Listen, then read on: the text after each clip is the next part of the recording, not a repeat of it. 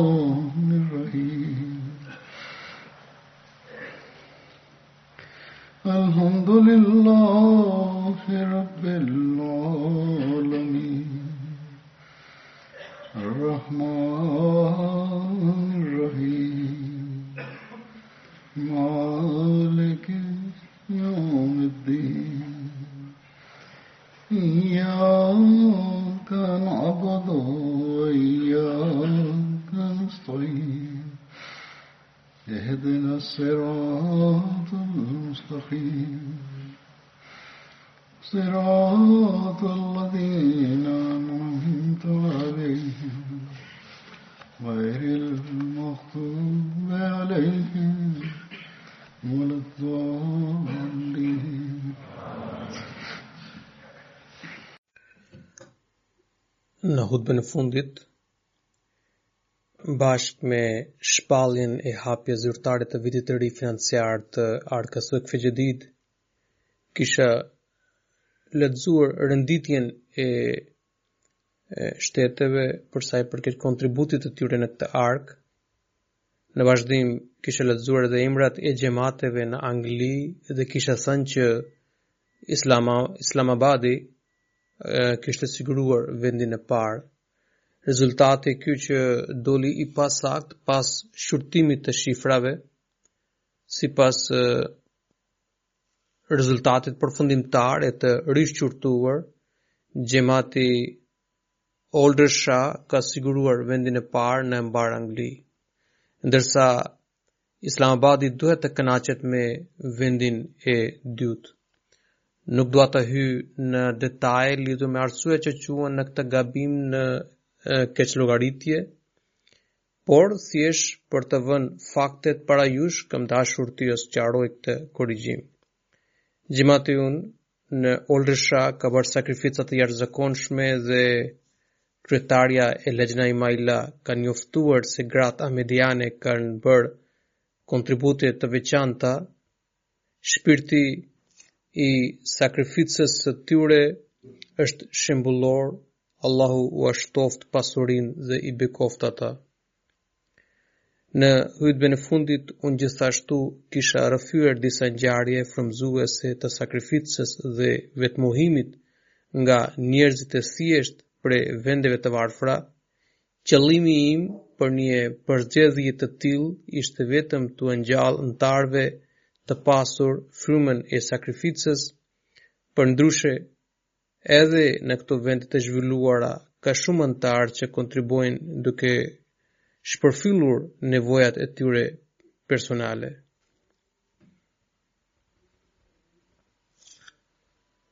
Tani i kthehem temës së hutbes së sotme, e cila është cikli i jetës së sahabëve të Bedrit. Në hutben e parafundit ishte trajtuar jeta e Saad ibn Ubadës radhiyallahu anhu temë kjo që vijon edhe sot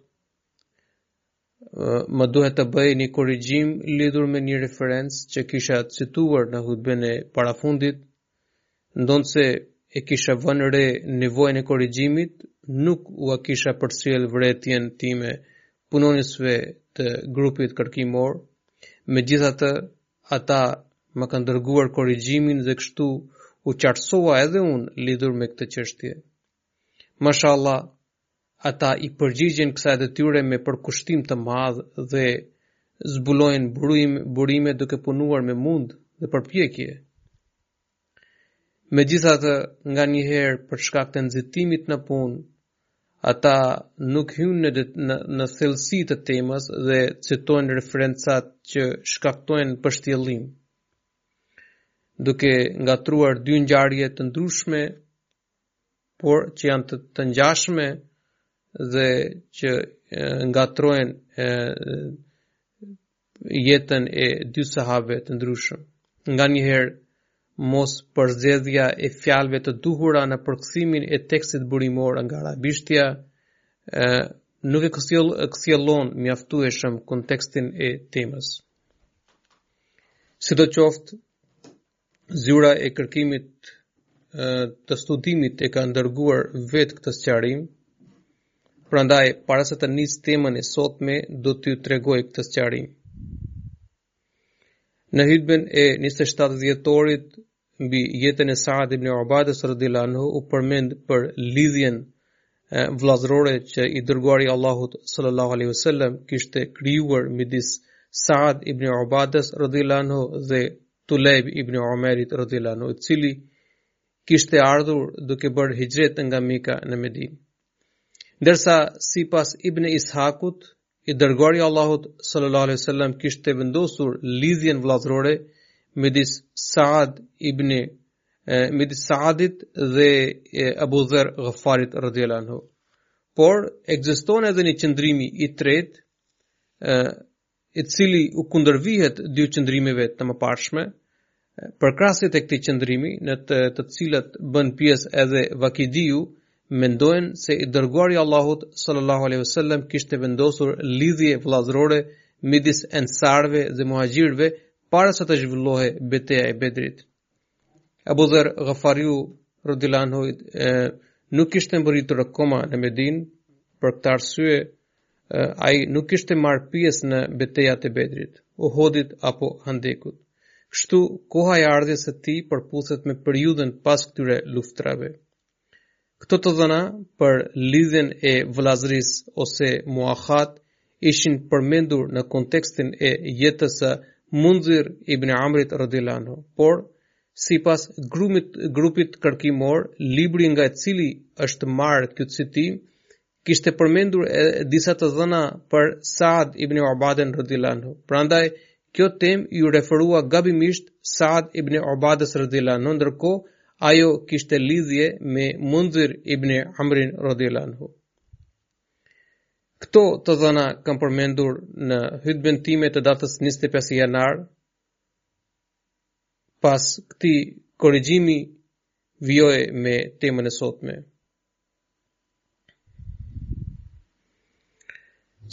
gjatë luftës së Handekut i dërguari i Allahut sallallahu alaihi wasallam mendoi për t'i dorëzuar një të tretën e gjithë prodhimit të hurmës në Medinë Ujejne ibn Hisnit si shpagim për ta shtyrë atë të tërhiqej nga rrethimi i qytetit të, të Medinës me fisin e tij Gatfan. Profeti nuk e diskutoi këtë çështje me askënd, por u kërkoi mendimin Saad ibn Muazit radhiyallahu anhu dhe Saad ibn Ubadës radhiyallahu anhu.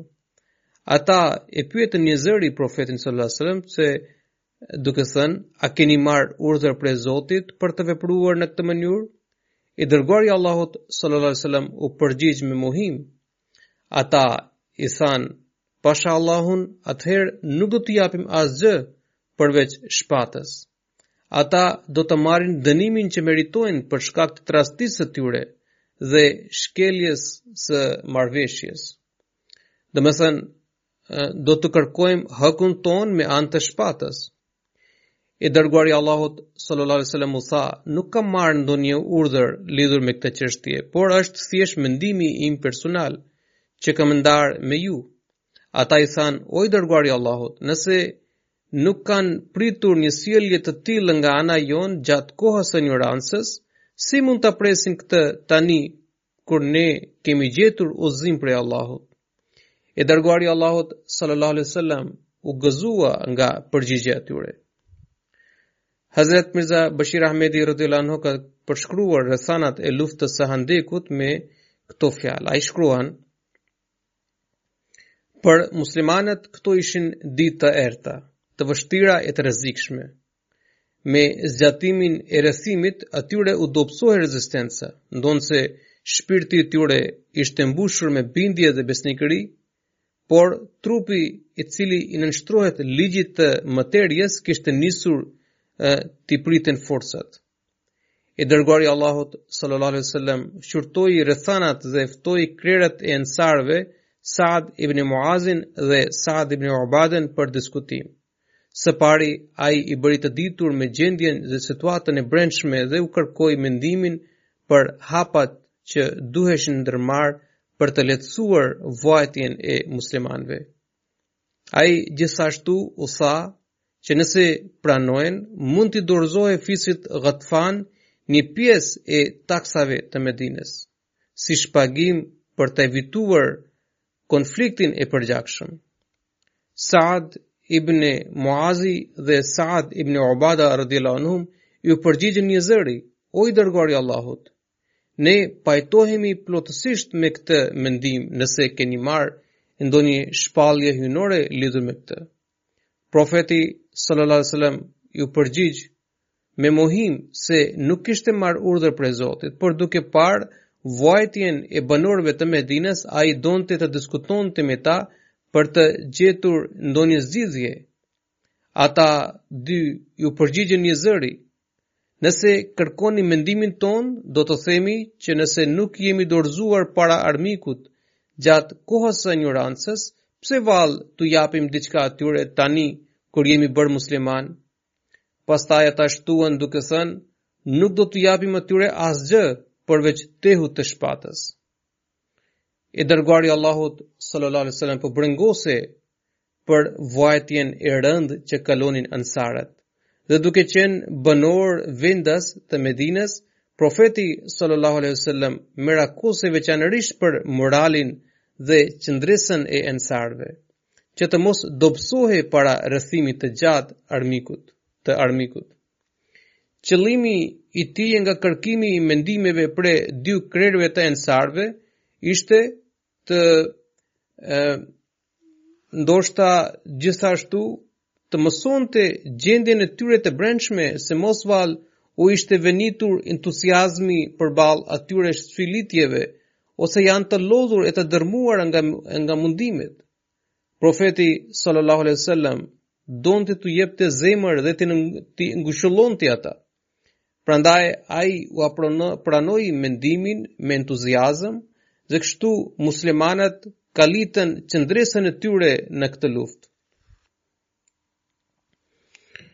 Në veprën e tij, Sirat Khatimun Nebijin, Hazret Mirza Bashir Ahmedi, në vijim të luftës së Handekut, ka mbajtur një shënim për fisin Benu Kureza. Ai shkruan, Abu Ebu Sufjani hodhi një hap të kurdisur dhe porositi kryetarin hebre të fisit Benu Nezir, Haja ibn Ehtab, për të shkuar fshehurazi në terrin e natës drejt kalasë Benu Kurezës dhe për ta bindur kryetarin e tij, Ka'b ibn Esed, që që të bashkohet me të. Kur Haja ibn Ahtabi mbërriti në shtëpi në shtëpinë e Asad ibn Ka'bit, ai në fillim refuzoi të dëgjonte atë, duke thënë që ka bërë marrëveshje me Muhamedin dhe që ai gjithmonë ka respektuar me bes, me besnikëri kushtet e pajtuara. Prandaj, ai në asnjë mënyrë nuk mund të shkelte marrëveshjen. Megjithatë, Haja i bëri premtime të rreme në, në mënyrë kaq djallëzore, saqë Kab ibn Esedi u bind për rënien dhe shkatërrimin e afërt të islamit. Ai gjithashtu u zotua me kaq bindje se nuk do të ktheheshin nga nga Medina derisa nuk do të çrrënjosnin islamin saqë Kabit iu mbush mendja dhe ai besoi plotësisht fjalët e Hajit në këtë mënyrë pesha e fuqisë së Benu Kurezës iu bashkua palës kundërshtare Edhe pse ata posedonin fuqinë qysh prej herët, por tashmë me bashkimin e Benu Kurezës, kjo aliancë ishte bërë akoma më e fuqishme. Kur i dërguari i Allahut sallallahu alaihi wasallam mësoi për tradhtinë e Benu Kurezës, ai në fillim vërtetoi këtë lajm duke dërguar dy apo tri herë Zubair ibn al-Avamin në në misione sekrete që të raportonte fshehurazi mbi situatën e brendshme të Benu Kurezës. Pastaj ai dërgoi një delegacion zyrtar të përbërë nga krerët e fiseve Aus dhe Hazrexh gjegjësisht Saad ibn Muazin dhe Saad ibn Ubaden, si dhe disa sahabë të tjerë me, me, me ndikim drejt fisit Benu Kureza. Ai gjithashtu i porositi ata që në rast se konfirmojnë diçka shqetësuese dhe të papëlqyeshme, nuk duhet të bëjnë atë publike për të shmangur panik te banorët e Medinës.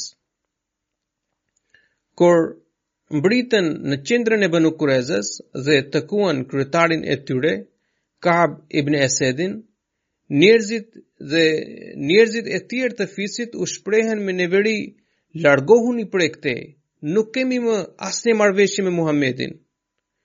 Me të dëgjuar këto fjalë, delegacioni i sahabëve u ngrit nga vendi dhe u kthye në Medinë.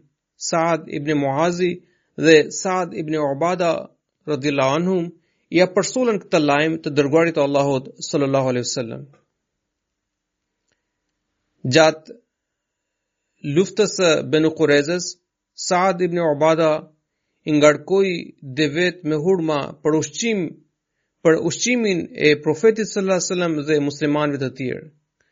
Duke parë bujarinë e Saad ibn Muazit, i dërguari i Allahut sallallahu alajhi wasallam ishte shprehur sa e mirë qenka, sa e mirë qenka hurma si ushqim.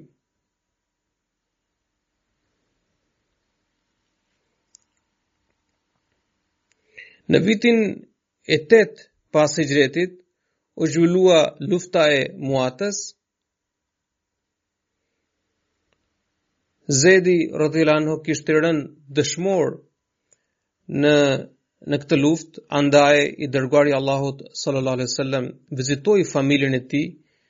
për të shprehur ngushëllime.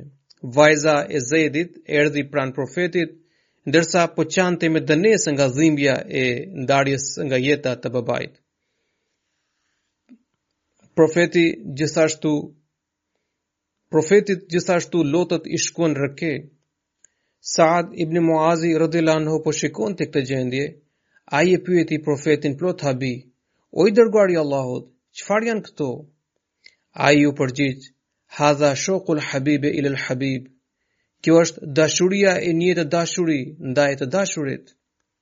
Sipas një transmetimi të Buhariut, Hisham ibn Urwaja rrëfen nga babai i tij, se kur i dërguari i Allahut sallallahu alaihi wasallam nisi marshimin drejt Mekës, kurejshët gjithashtu dërguan Ebu Sufjanin Ebu Sufjan ibn Harbin, Hakim ibn Hizamin dhe Budel ibn Verkan për të ndjekur të dërguarin e Allahut sallallahu alaihi wasallam derisa ata mbërritën në vendin Merru Zuhran, i cili ndodhej 5 milje larg nga Meka në drejtim të jugut. Ky vend shquhej për oazet, oazat, burimet, burimet dhe kopshtet e hurmës. Kur grupi i kurejshëve mbërriti në, në atë vend, ata vështruan vatra të ndryshme të zjarrit, të ngjashme me ato që ndizeshin në Arafat gjatë periudhës së Haxhit. Ebu Sufjani shprehu çudinë për atë që shikonte dhe tha, "Ç'a janë këto zjarre? A mos vallë janë këto si në fushën e Arafatit?" Budel ibn Verka ndërhyri në bisedë dhe tha, "Këto i ngjajnë zjarrit të Banu Amrus, domethënë fisit të Khuzas." Ebu Sufjani u përgjigj me në, me refuzim dhe tha, "Numri i fisit Khuza'a është shumë më i vogël në krahasim me atë që gjendeshin atje." Teksa po bisedonin me njëri-tjetrin, u shfaqën disa ushtarë të të, të dërguarit të Allahut sallallahu alaihi wasallam, të cilët kishin diktuar praninë e tyre. Ata i arrestuan dhe i paraqitën ata para profetit sallallahu alaihi wasallam. Ebu Sufjani pranoi islamin Dhe para se të marshonin muslimanët në drejtim të Mekës, i dërguari i Allahut sallallahu alaihi wasallam e porositi Abbasin për të ndaluar Abu Sufjanin te qafa e malit që ai të vështronte më mirë ushtrinë muslimane. Fiset e ndryshme marshonin bashkë me të dërguarin e Allahut sallallahu alaihi wasallam dhe njësitë e tyre kalonin një nga një para Abu Sufjanit. Kur kaloi Një njësi ushtarake, Ebu Sufjani e pyeti Abasin, cilat janë këta? Abasi iu përgjigj, këta janë nga fisi Gëfar. Ebu Sufjani u shpreh me shpërfillje, çka mund me Gëfarin? Pastaj kaloi grupi i fisit Xhuhejna dhe Ebu Sufjani sërish komentoi në të njëjtën mënyrë. Pastaj kaloi grupi i Saad ibn Huzemit dhe sërish Ebu Sufjani bëri sikur nuk kishte marrë ndonjë përshtypje. Pastaj kaluan pjesëtarët e fisit Sulejm për të tërhequr të njëjtin qëndrim për Ebu Sufjanit, por në fund kaloi një grup kaq i madh saqë u habit Ebu Sufjani nga përmasa e tij dhe pyeti plot habi, cilat janë këta? Abasi u përgjigj, këta janë ensar me kryetarin e tyre Saad ibn Obada, i cili mban flamurin e tyre. Saad ibn Obada thirri me zë të lartë, o Abu Sufjan, sot do të kemi një betejë të ashpër. Sot lufta është bërë e lejueshme në Qabe.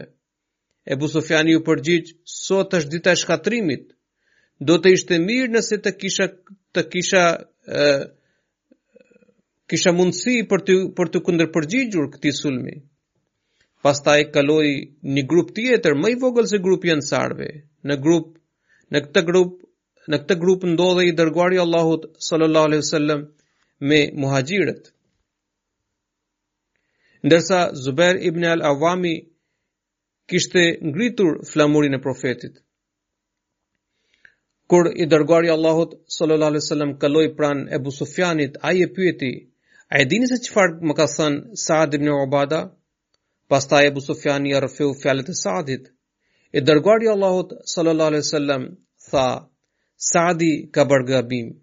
Nëse ai ka thënë fjalë të tilla, Sot është dita kur Allahu do të vendosë madhështinë e Qabes dhe do t'i vihen perdet e reja, por nuk do të zhvillohet asnjë luftë. Hazret Kalifi i dytë radhiyallahu anhu ka përshkruar me këtë ngjarje me më imtësisht, ai shkruan Kur kjo ushtri nisi të marshonte drejt Mekës, profeti sallallahu alaihi wasallam e porositi Abbasin, radhiyallahu anhu, që të merrte Abu Sufjanin dhe shokët e tij e të qëndronte në një cep të rrugës në mënyrë që ata të shihnin ushtrinë muslimane dhe devotshmërinë e saj. Abasi radhiyallahu anhu e zbatoi porosinë, para tyre filluan të hecnin varg fiset arabe, njëri pas tjetrit për të cilat Meka shpresonte se do ta ndihmonte atë, por tani më nuk mbanin flamurin e mohimit, por atë të Islamit. Gjuhët e tyre lëshonin parulla të njëshmërisë së Zotit të plotfuqishëm. Ata nuk luftonin më për t'ia marrë jetën profetit Muhammed sallallahu alaihi wasallam. Siç mekasit shpresonin prej tyre, por tani ata ishin gati për të derdhur deri edhe pikën e fundit të gjakut për hir të profetit sallallahu alaihi wasallam. Dhe synimi i tyre më i lartë ishte pikërisht ai, që të vendosnin njëshmërinë e Zotit dhe këtë thirrje të bënin në të gjithë botën. Ndërsa po marshonin usht po marshonin ushtritë njëra pas tjetrës, kaloi edhe ushtria e fisit Eshxha. Fytyrat e par fytyrat dhe parullat e tyre rrezatonin dhe pohonin fuqishëm dashurinë dhe ndjenjat e tyre të sakrifikimit ndaj Islamit. Abu Sufjani pyeti, o Abbas, kush janë këta? Është fisi Eshxha, iu përgjigj ai. Abu Sufjani shikonte i befasuar fytyrën e tij duke thënë armiq më të mëdhenj të profetit sesa këta nuk gjendeshin në Arabi. Kjo është bekimi i Zotit, i cili kur deshi ua futi në zemrat dashurinë e Islamit, i sqaroi Abasi radhiyallahu anhu. Në fund kaloi profeti Muhammed sallallahu alaihi wasallam me çetën e muhaxhirëve dhe të ensarëve, që përbëheshin prej dy mijë ushtarëve, të cilët nga koka gjer në këmbë ishin të mbuluar me veshje luftarake. Hecni me hapa të kujdesshëm, që rreshta të jenë të, ekuli, të në ekuli, ekuilibër, thoshte Omeri radhiyallahu anhu, teksa po i rregullonte rreshtat. Frymëzimi, vendosmëria dhe patosi i tyre u shkëlqenin në fytyrë, në, në fytyra këti, këtyre flijuesve të vjetër të islamit. Ebu Sufjanit i drithëroi zemrat, kur i pa, po këta kush janë, e pyeti Abbasin radhiyallahu anhu. Po shkon profeti Muhammed, sallallahu alaihi wasallam, së bashku me batalionet e muhaxhirëve dhe të ensarëve, iu përgjigj ai. Vallë, kush mund të guxojë në botë të përballet me këtë ushtri? U shpreh Abu Sufjani dhe tha: "O Abbas, nipi yt sot është bërë mbreti më i madh i botës. Ende nuk t'u hapën sytë, Kjo nuk është mbretëri, por profetësi, i tha Abasi. Po mirë e ke, kjo është profetësi, pohoi Ebu Sufjani. Gjatë kohës kur kjo ushtri po kalonte para Ebu Sufjanit, Saad ibn Obada radijallahu anhu, komandanti i ensarëve, iu drejtua Ebu Sufjanit dhe tha, sot Zoti na bëri të lejueshme hyrjen me forcën e shpatës në Mekë, sot do të, posht, do të poshtrohet përfundimisht populli kurejsh. Kur profeti sallallahu alaihi wasallam kaloi pranë Abu Sufjanit, ai e thirri ankueshëm: "O i dërguari i Allahut, a i keni dhënë leje popullit tuaj për vrasje?" Kështu po thoshte komandanti i Ensarëve Saadi, që kaloi pak para jush. Ai më tha se ju keni pohuar se sot do të bëhet luftë dhe se shenjtëria e Mekës nuk do t'ju ndalojë nga kjo dhe që kurejshët do t'i poshtroni patjetër. O i dërguari i Allahut, ju jeni njeriu më i mirë, më i mëshirshëm dhe më i përdëllimtar ndaj farefisit në botë. A nuk do t'i harroni sot mizorinë e popullit tuaj? Fjalët e Abu Sufjanit u ngjallën mëshirë në zemër dhe edhe muhaxhirëve, të cilët duke dikur zvarriteshin dhe rriheshin nëpër rrugicat e Mekës, që përjashtoheshin nga pronat dhe pasuritë e tyre. Ata thanë, o i dërguari i Allahut, nuk e dimë se si do të sillen me kurejshët ensarët që dinë Ensarët që dinë të gjithë historinë e barbarisë që bënin mekasit. Profeti sallallahu alajhi wasallam tha Abu Sufjan, Saadi e ka gabim. Sot është dita e mëshirës. Sot Allahu i Lartësuar do të bekojë me nder kurejshët dhe Qaben. Pastaj profeti i dërgoi Saadit një njeri me urdhrin që flamurin që po mbante ai t'ia dorëzonte djalit të tij, Kejsit, sepse ai do ta zëvendësonte në postin e komandantit të ensarëve. Në këtë mënyrë, profeti sallallahu alaihi wasallam u dha zemër mekasve dhe njëherësh i mbrojti edhe ensarët që të mos lëndoheshin në shpirt. Për sa i përket Kejsit radhiyallahu anhu, profeti sallallahu alaihi wasallam kishte besim të plotë tek ai, sepse ai ishte jashtëzakonisht shpirtmirë. Për butësinë e tij përmendet në histori. Në kohën kur ai ishte afër vdekjes, disa njerëz i shkuan për vizitë dhe disa jo. Atëherë ai pyeti shokët e tij për mosardhjen e atyre që ai i njihte Ata thanë, jeni një njeri i pasur dhe çdo kujt i jepni hua kur ai gjendet në vështirësi. Shumë nga njerëzit e qytetit ju kanë borxh. Ata nuk po vijnë sepse kujtojnë se ndoshta keni nevojë për para dhe ju do t'ua kërkoni borxhet. Kesi tha, po më vjen shumë keq, miqtë e mi për borxhet u futën në vështirësi. Njoftoni nga ana ime në gjithë qytetin që çdo kush që i ka borxh kesit i falet. Pas këtij njoftimi kaq shumë njerëz erdhën për ta vizituar kesin saqë iu thyen shkallët e shtëpisë. Huneni është një luginë e cila ndodhet 30 milje larg Mekës në drejtim të Taifit dhe gjendet midis këtyre dy qyteteve. Beteja e Hunenit, e cila njihet gjithashtu me emrin tjetër, lufta e Havazinit, u zhvillua në vitin 8 pas Hixhretit, pas triumfit të Mekës. Plaçkat e kësaj lufte i kishte shpërndarë i dërguari i Allahut sallallahu alaihi wasallam midis muhaxhirëve dhe ensarët e kishin ndier këtë. Musned Ahmed ibn Hanbeli ka shënuar një hadith të gjatë për këtë ngjarje, ai shkruan pra Abu Said Khudri radhiyallahu anhu ka transmetuar se kur i dërguari i Allahut sallallahu alaihi wasallam shpërndau plaçkat dhe pasuritë e tjera midis kureshve dhe fiseve të tjera arabe, ensarët nuk morën asgjë. Ata e kishin ndier diçka në zemër dhe ishin llafosur me njëri-tjetrin për këtë çështje. Disa prej ensarëve u shprehën se tashmë i dërguari i Allahut sallallahu alaihi wasallam është bashkuar me popullin e tij dhe ai na ka harruar. Saad ibn Ubada shkoi te profeti sallallahu alaihi wasallam dhe i tha: "O i dërguari i Allahut, meqë keni ndarë gjithë pasurinë dhe plaçkat midis kureshve dhe fiseve të tjera arabe dhe ensarëve nuk u keni dhënë asgjë, Andaj, populli ynë po ndien hidhërim përbrenda. Profeti sallallahu alaihi wasallam e pyeti: "O Saad, çfarë mendoni ju në këtë çështje?" Ai i tha: "O i dërguari i Allahut, unë jam një pjesëtar i thjeshtë i fisit tim dhe nuk dhe nuk gëzoj ndonjë pozitë të veçantë." I dërguari i Allahut sallallahu alaihi wasallam e porositi për t'i mbledhur ensarët në shesh.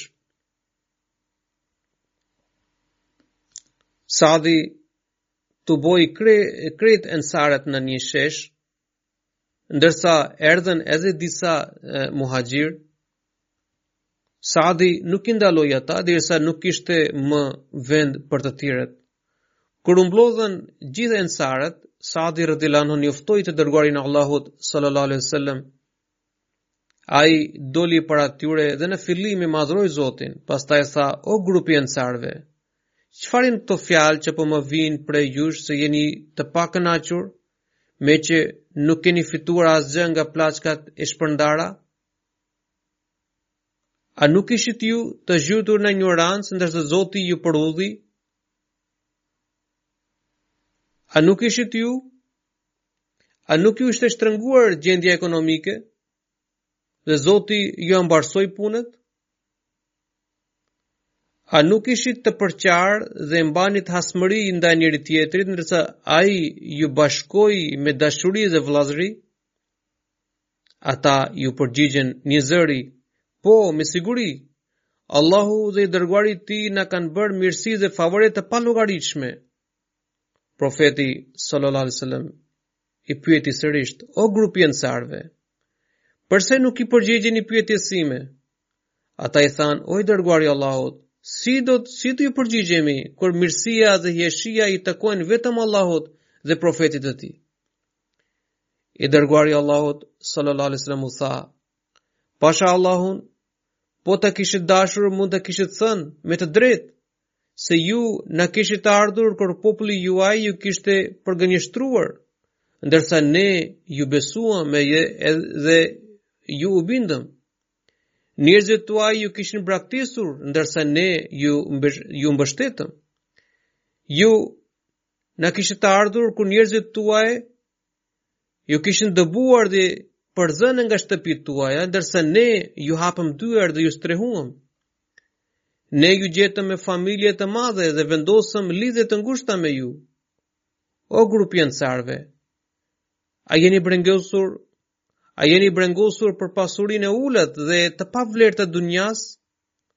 Nëse u kam dhënë pasuri të tjerëve, qëllimi im ka qenë vetëm t'i afroj ata dhe, dhe t'i fuqizoj në besim.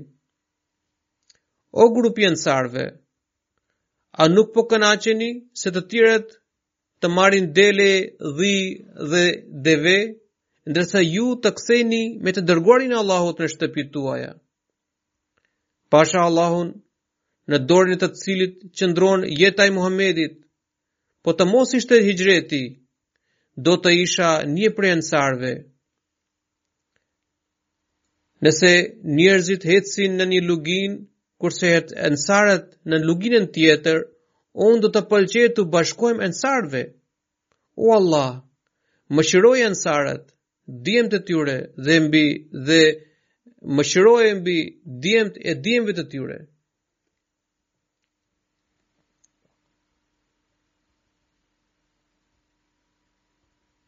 Kur i dërguari i Allahut sallallahu alaihi wasallam pushoi së foluri, lot po rridhnin nga sytë e ensarëve, ndërsa mjekrat e tyre ishin njomur me lot. Ata po i thoshin profetit me dënesë, ne jemi të kënaqur me, me ndarjen e tij, dhe jemi të gëzueshëm me, me hisen tonë. mjafton ta kemi profetin sallallahu alaihi wasallam. Pastaj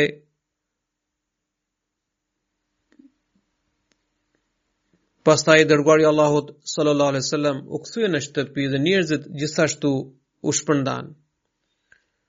Kur i dërguari i Allahut sallallahu alaihi wasallam mbriti në Mekë për haxhin e lamtumirës, aty i humb mjeti i udhëtimit, pra deveja, I dërguari i Allahut sallallahu alaihi wasallam dhe Abu Bekri radhiyallahu anhu kishin të njëjtën deve, të cilën e ruante një shërbëtor i Abu Bekrit radhiyallahu anhu dhe ai e kishte humbur atë gjatë natës. Sefwan ibn Muatili, i cili ecte në fund të karvanit, kishte gjetur atë deve me gjithë ngarkesën. Kur Saad Ibn Ubada radhiyallahu anhu dëgjoi këtë ngjarje për humbjen e devesë së profetit sallallahu alaihi wasallam, ai dhe djali i tij, Qaisi, shkuan menjëherë te i dërguari i Allahut bashkë me një deve të ngarkuar. I dërguari i Allahut sallallahu alaihi wasallam qëndronte te pragu i derës dhe në atë moment ai kishte mësuar se ia kishin gjetur devenë. Sadi radhiyallahu anhu nuk e dinte këtë, prandaj ai iu drejtua të dërguarit të Allahut sallallahu alaihi wasallam dhe i tha o, i, o profet i Allahut, kemi mësuar se ju është humbur deveja në të cilën po udhëtonit, ne kemi sjellë një deve tjetër që t'ju shërbejë,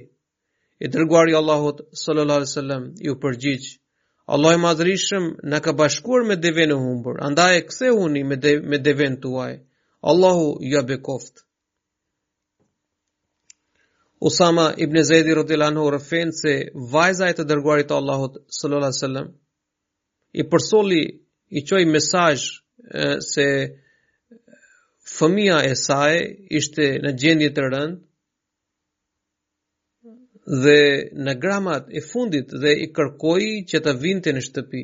I dërguari i Allahut sallallahu alaihi wasallam i ktheu përgjigjen që çdo gjë që dhuron ose merr Allahu i takon atij. Ai ka caktuar një afat për çdo gjë, prandaj mbahu durimit dhe kërko pëlqimin e Allahut.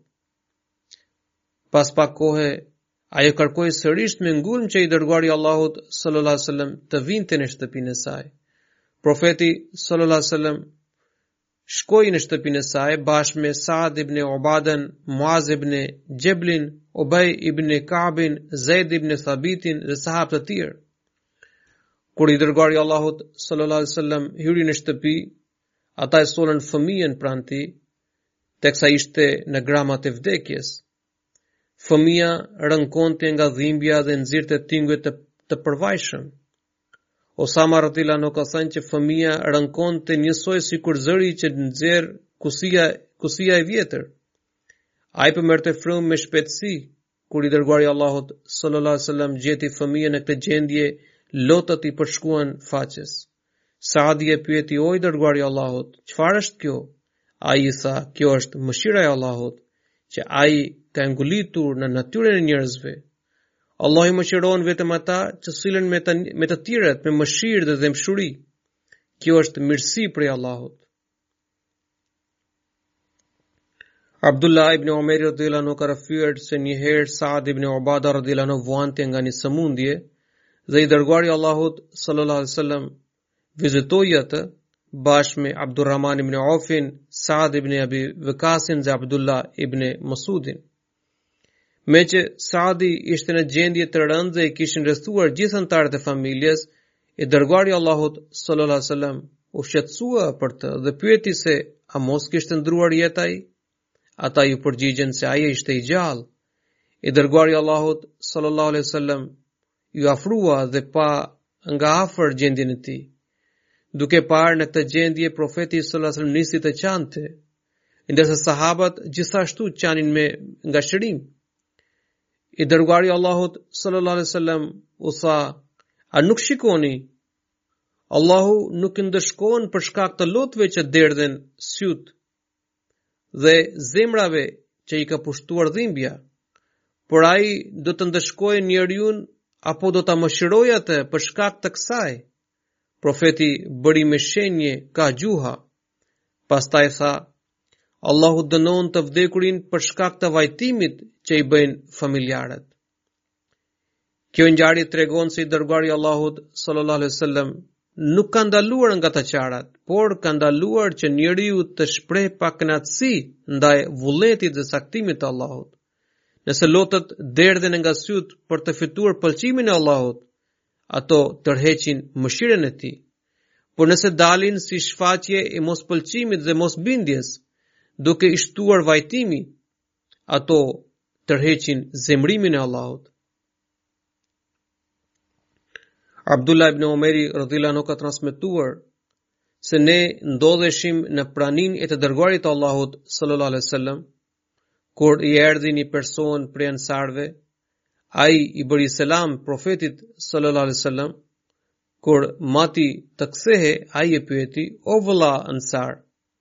Si është vëllai im Saad ibn Ubada? Ai iu përgjigj profetit se është më mirë. I dërguari i Allahut sallallahu alaihi wasallam i pyeti sahabët, kush nga ju dëshiron të më shoqërojë për vizitë tek Saadi? Sahabët u ngritën për ta shoqëruar profetin sallallahu alaihi wasallam. Ne ishim pak a shumë 10 persona dhe ishim të zbathur dhe nuk kishim rregulluar as kapuç e këmishë. Ne nxituam për të shkuar te Saad ibn Ubada. Kur mbritëm në shtëpinë e tij, ai ishte i shtrirë dhe njerëzit e kishin rrethuar nga nga të gjitha anët. duke parë të dërguarin e Allahut sallallahu alaihi wasallam ata u tërhoqën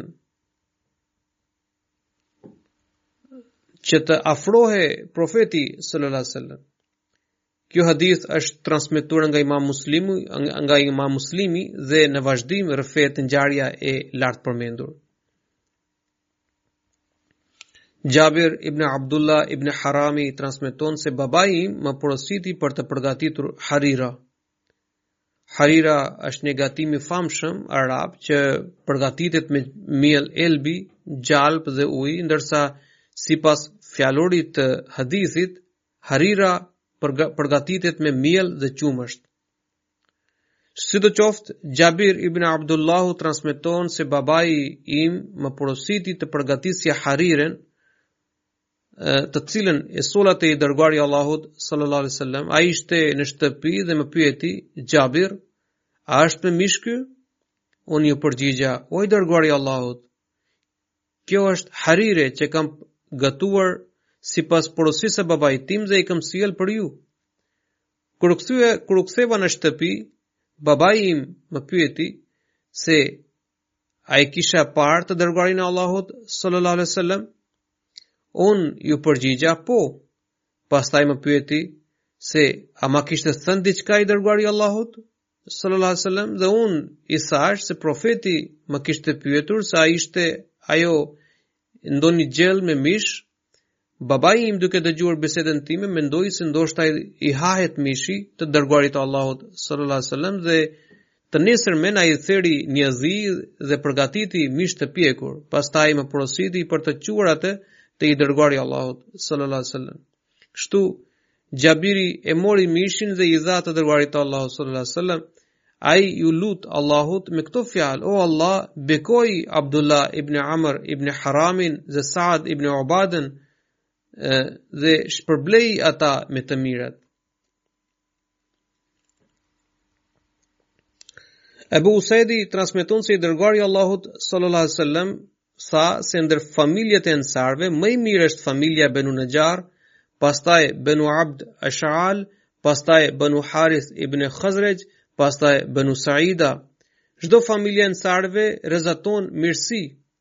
Saad ibn Ubada radhiyallahu anhu ishte ndër sahabët më të shquar prej ensarëve. Ai kishte virtyte të shkëlqyera. Prandaj, sipas hadithit të Buhariut, i dërguari i Allahut sallallahu alaihi wasallam i kishte dhënë një pozitë të lartë. Sahabat gjithashtu e bënë të ditur se profeti sallallahu alaihi wasallam i kishte dhënë pozitë të lartë. Ebu Usaid Ensariu radhiyallahu anhu ka rrëfyer se i dërguari i Allahut sallallahu alaihi wasallam ka thënë se shtëpia më e shkëlqyer e ensarëve është e Benu Nexharëve, pastaj të Benu Eshhalit, pastaj të Benu Harith ibn Hazrexhit, pastaj të Benu Saidës. Me të vërtetë, Zoti e ka vendosur mirësinë në çdo familje të ensarëve. Ebu Selma ka shtuar se njerëzit e kritikonin për këtë transmetim. Ebu Selma ka, ka, ka shtuar në këtë transmetim se njerëzit e kritikojnë për këtë transmetim. Nëse do të kisha thënë të pavërtetë, do të nisja renditjen me familjen e Benu Saidës. Kur Saad ibn Ubada mësoi këto fjalë, ai ndjeu keqardhje. U përhapën fjalët gjoja e kishin vendosur në vendin e fundit ndër katër të parët. Saad ibn Ubada dha porosi për t'i vënë samarin gomarit të tij dhe u mat të nisej për të takuar të dërguarin e Allahut sallallahu alaihi wasallam. Nipi i tij Sehli e pyeti se a shkonte për të kundërshtuar fjalët dhe renditjen e të dërguarit të Allahut sallallahu alaihi wasallam. Ndërkohë ai e di më së miri a nuk i mjafton se jemi një ndër katër të parët? Saad ibn Ubada radhiyallahu anhu ndërroi mendjen pas fjalëve të nipit dhe u shpreh se me të vërtetë Allahu dhe i dërguari i tij dinë më mirë. Pastaj dha urdhër që të hiqet samari prej gomarit. Ky hadith gjithashtu gjendet në Muslim.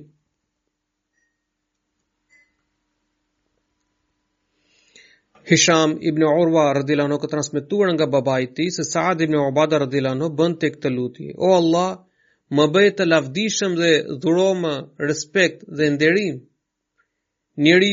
Njeriu nuk mund të fitojë nder dhe respekt pa pasur veprat e mira dhe të lavdishme. Po ashtu, njeriu kanë nevojë për mjetet financiare për të realizuar veprat e tij. O Allah, nuk mund të kënaqem me pak dhe as nuk mund të sillem mirë në këtë gjendje. Kjo është lutja që ai bënte. Sipas një transmetimi të Imam Muslimit, Ebu Hurejra radhiyallahu anhu ka rrëfyer se Saad ibn Ubada radhiyallahu anhu e kishte pyetur të dërguarin e Allahut sallallahu alaihi wasallam se ai se ai duhej të nxjerrë katër dëshmitarë nëse do të gjente bashkëshorten në pozicion komprometues me një mashkull tjetër, i dërguari i Allahut sallallahu alaihi wasallam ia konfirmoi pyetjen duke thënë, "Po." Saadi u shpreh, "Për Zotin, në asnjë mënyrë, pasha Allahun i cili ju ka dërguar me të vërtetën nëse do të veproja vetë, do të vendosja përmes shpatës. I dërguari i Allahut sallallahu alaihi wasallam tha, Dëgjoni çfarë po thotë kryetari juaj. Ai është sedërmadh, por unë kam më shumë sedër se ai, ndërsa Allahu ka më shumë sedër se mua.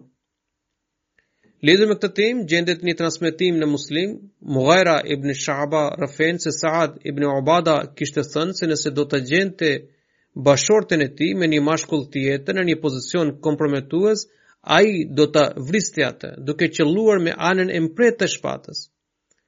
Kur i dërguari i Allahut sallallahu alaihi wasallam mësoi se çfarë kishte thënë Saadi, ai u shpreh duke thënë, ndoshta po habiteni me sedrën e Saadit. Pasha Allahun, unë jam më sedërmadh se Saadi, ndërsa Allahu ka më shumë sedër se unë. Për shkak të sedrës së tij, Allahu i ka ndaluar sjelljet imorale të njeriu, qofshin të dukshme apo të fshehura.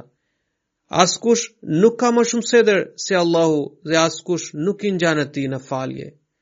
Pra, nëse Allahu është sedërmadh, ai gjithashtu është falës dhe bujar. Askush nuk i ngjan atij në këto atribute. Pastaj ai tha, prandaj Allahu i ka dërguar të dërguarit e tij si mbartës të lajmeve të gëzueshme dhe si paralajmërues dhe alarmues. Askush nuk e do lavdinë më shumë se Allahu, prandaj ai ka premtuar për xhenet. Lavdia e Allahut është shmangja e veprave të shëmtuara.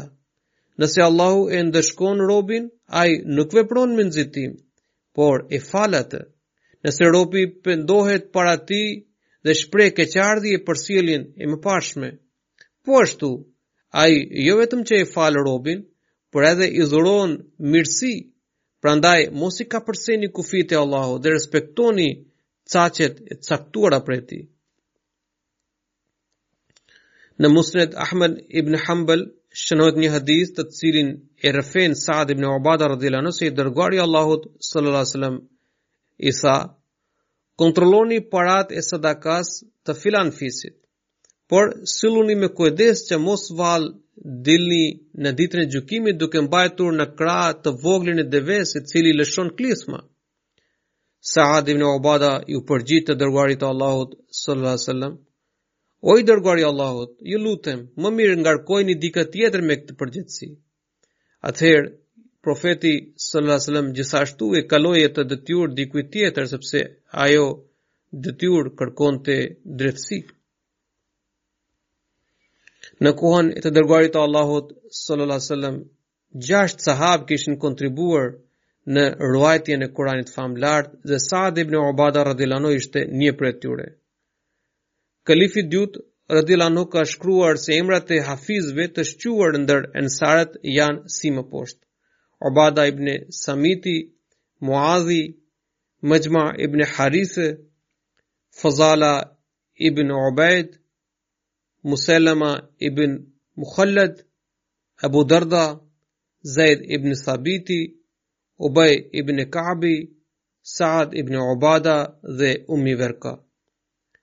Sipas historisë, mjaft sahabët, mjaft sahab ishin gjithashtu